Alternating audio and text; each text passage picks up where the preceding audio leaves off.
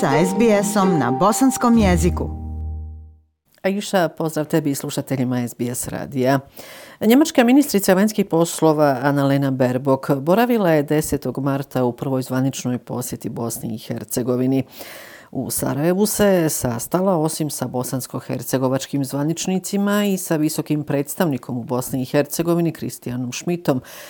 Njen radni dan započeo je najprije susretom sa ministricom vanjskih poslova Bosne i Hercegovine Biserom Turković. Nakon tog sastanka i razgovora eh, njih dvije su održale i preskonferenciju. E, Njemačka će ovdje u vašoj zemlji i na Zapadnom Balkanu biti prisutnija u budućnosti. Zbog toga smo uveli funkciju specijalnog izaslanika. Sretna sam što je taj izbor Manuel Saracin poručila je šefica diplomatije Njemačke Annalena Berbok. Evo poslušajte šta je još rekla na preskonferenciji. Nećemo dozvoliti ugrožavanje mira. Kao najveći bilateralni donator za Bosnu i Hercegovinu jasno kažemo da ćemo podržavati samo one i da možemo samo podržati one koji se zalažu za jačanje zemlje, a ne osobe koje se rade na dezintegraciji, destabilizaciji države. Ministrica vanjskih poslova Bosne i Hercegovine Bisera Turković je e, Berbok uručila zahtjevu kojim se traže ubrzani kandidatski status i datum početka pregovora za članstvo u Evropskoj uniji. U obraćanju e, medijima e, Bisera Turković je između ostalog rekla Ukoliko se dozvoli daljna destabilizacija Bosne i Hercegovine i blokiranje državnih institucija Bosne i Hercegovine, postoji bojazan da će stabilnost i sigurnost Evrope biti ugrožena. Stoga, neophodno je odmah zaustaviti sve retrogradne procese u Bosni i Hercegovini, onemogućiti provedbu zaključaka Narodne skupštine Republike Srpske. Nakon susreta sa e, ministricom vanjskih poslova Bosne i Hercegovine, Biserom Turković, E, gošća iz Njemačke je razgovarala i sa članovima predsjedništva Bosne i Hercegovine. Nakon tog susreta i razgovora e, novinarima se najprije u zgradi predsjedništva Bosne i Hercegovine obratio član predsjedništva Šefik Džaferović. On istakao da je njegov utisak da možemo očekivati veći angažman Njemačke. Poslušajte Šefika Džaferovića. I ovdje u Bosni i Hercegovini i u području Zapadnog Balkana ili cijelog regiona. Jedan snažni konstruktivan angažman koji treba svima da nam pomogne. Kada je Bosna i Hercegovina u pitanju, ovdje prije svega mislim na jedno normalno funkcioniranje institucija Bosne i Hercegovine. Izlazi iz ove situacije da se moraju odmah deblokirati institucije Bosne i Hercegovine, da se mora prestati sa stalnim prijetnjama teritorijalnom integritetu Bosne i Hercegovine. A svoju izjavu novinarima nakon susreta sa e, ministricom vanjskih poslova Njemačke Annalenom Berbok e, dao je i to ispred zgrade predsjedništva Bosne i Hercegovine član predsjedništva Milorad Dodik. On je ponovio kako je e, rekao gospođi Berbok da Republika Srpska nema secesionističke planove. Poslušajte i Milorada Dodika. Moje pitanje bilo je jasno postavljeno.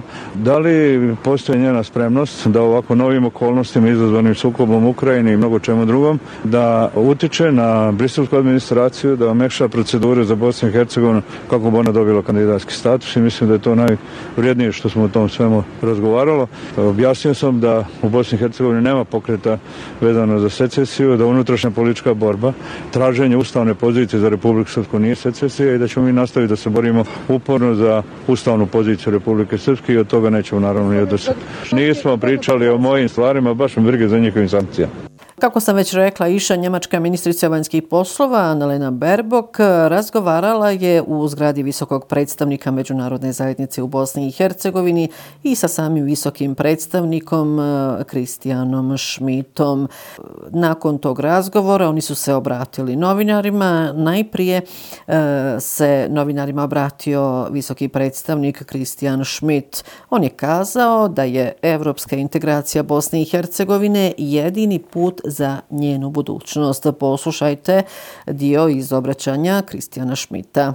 Wir brauchen in diesem Land auch klare Aussagen gegen Korruption. Treba jasno reći i postaviti se na stranu protiv korupcije i protiv onih koji žele vidjeti ovu zemlju disfunkcionalnu i koji žele vidjeti ovu zemlju kao podijeljenu. Zbog toga se zahvaljujem vladi Savezne Republike Njemačke i Republici Njemačkoj da je stala i njenoj vladi da je stala na tu stranu i da će sigurno stati i suprotstaviti se svim onima koji podrivaju ovu zemlju. Innen unterminiert und ausgehöhlt wird von wem auch immer.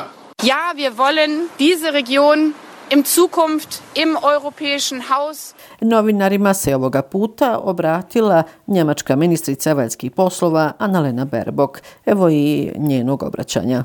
Ova regija je regija koju mi želimo da vidimo u Evropi.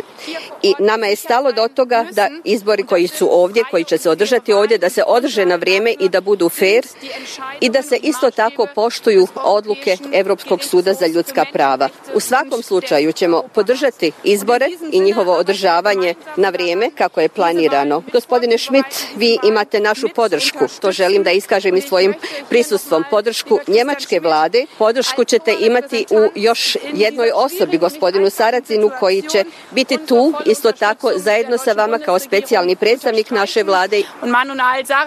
Zanimljivo je da je predsjedavajući predsjedništva Bosne i Hercegovine Željko Komšić ovih dana uputio službeni zahtjev čelnicima Evropske unije za razmatranje kandidatskog statusa Bosne i Hercegovine. U pismu koje je dakle Komšić uputio čelnicima Evropske unije e, se navodi da bi kandidatski status ojačao sigurnost i suverenitet Bosne i Hercegovine. U pismu je Željko Komšić podsjetio da se Bosna i Hercegovina pridružila svim mjerama Evropske unije usmjerenim protiv onih koji su izvršili napad na suverenitet i teritorijalni integritet Ukrajine. Evo i nekako zvaničnih e, podataka e, granične policije Bosne i Hercegovine. Naime, za 13 dana od početka ruske invazije na Ukrajinu u Bosnu i Hercegovinu je ušlo 816 državljana Ukrajine. E, kako je kazala Franka Vican, glasnogovornica granične policije Bosne i Hercegovine, u periodu od 22. februara do 7. marta evidentirana su ukupno 1483 državljana Ukrajine. Od toga 816 na ulazu te 667 na izlazu izlazu iz Bosne i Hercegovine. Većina izbjeglica nalazi se u Međugorju, a oni tu uglavnom kraće borave, ka, njihov put je prema zemljama Evropske unije pojačane snage EUFORA ovih dana stigle su u Bosnu i Hercegovinu, a pojedini vojnici Evropske vojne misije zapaženi su i na ulicama glavnog grada Bosne i Hercegovine. Po teritoriji Bosne i Hercegovine, kako je to već ranije saopćeno, bit će raspoređeno ukupno 500 vojnika EUFORA. Kamionima su dovezena i američka Humvee vozila koja se mogu kretati po raznim vrstama terena. Iz Eufora su poručili da bi pogoršana sigurnosna situacija na međunarodnom nivou mogla potencijalno uzrokovati i nestabilnost u Bosni i Hercegovini, te da je raspoređivanje ovih snaga prije svega mjera predostrožnosti. Mjere se poduzimaju sa ciljem jačanja stabilnosti u Bosni i Hercegovini tako što će se pozicionirati dovoljan broj sposobnih snaga u zemlji koje će pružati podršku bosansko-hercegovačkim institucijama pri održavanju sigurnog i stabilnog okruženja, naveli su iz Eufora. E, I visoki predstavnik Međunarodne zajednice u Bosni i Hercegovini Kristijan Schmidt istakao je kako jačanje vojnih snaga u rezervi potvrđuje opredjeljenost Međunarodne zajednice za očuvanje integriteta i stabilnosti države Bosne i Hercegovine i njenih institucija e, temeljenih na Dejtonskom sporazumu. Osim oklopnih vozila na bosansko-hercegovačkom kopnu može se primijetiti i pojačano prisustvo ovih snaga na nebu Bosne i Hercegovine. 10. marta je zasjedao i predstavnički dom Parlamentarne skupštine Bosne i Hercegovine koji je usvojio prijedlog izmjena zakona o akcizama kojima su akcize u Bosni i Hercegovini privremeno ukinute, odnosno ukinute su na šest e, mjeseci. Ovo će omogućiti da se cijena goriva po litru smanji za 30 do 40 feninga, što će svakako znatno ublažiti rast cijena u Bosni i Hercegovini, ne samo nafte, nego i drugih namirnica, s obzirom na to da poskupljenje energenata lančano utiče na rast svih ostalih cijena u zemlji. Eh, ovom odlukom su ukinute akcize na dizel gorivo i ostala plinska ulja, petrole i motorni benzin bezolovni, motorni benzin, lož ulje, tečni naftni plin za pogon motornih vozila, eh, biogoriva i biotečnosti. Bitno je reći da e, ovo glasanje u predstavničkom domu Parlamentarne skupštine Bosne i Hercegovine je zaista bio rijedak slučaj da političari u ovoj zemlji usaglase svoje stavove i donesu odluku koja ide na dobrobit svih građana Bosne i Hercegovine. E, posebno je upečatljivo da su nakon mjeseci bojkota i e, predstavnici, odnosno poslanici entiteta Republika Srpska odlučili da se vrate u parlamentarne klupe i glasaju za mnoge potrebne zakone Bosne i Hercegovine.